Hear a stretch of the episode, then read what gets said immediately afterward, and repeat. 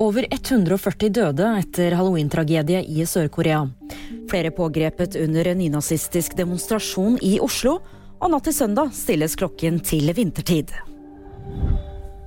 Minst 146 personer har mistet livet etter en halloweenfeiring i Seoul i Sør-Korea. I tillegg er 150 personer skadd, ifølge det sørkoreanske nyhetsbyrået Yonhap. Ulykken skjedde da tusenvis av mennesker som var ute for å feire, ble trengt sammen i en smal gate. Politiet har pågrepet 35 personer i Oslo sentrum. Det skjedde i forbindelse med en demonstrasjon utenfor Stortinget, som var arrangert av den nynazistiske gruppen Den nordiske motstandsbevegelsen. Medlemmer av gruppen skal ha nektet å følge politiets føringer.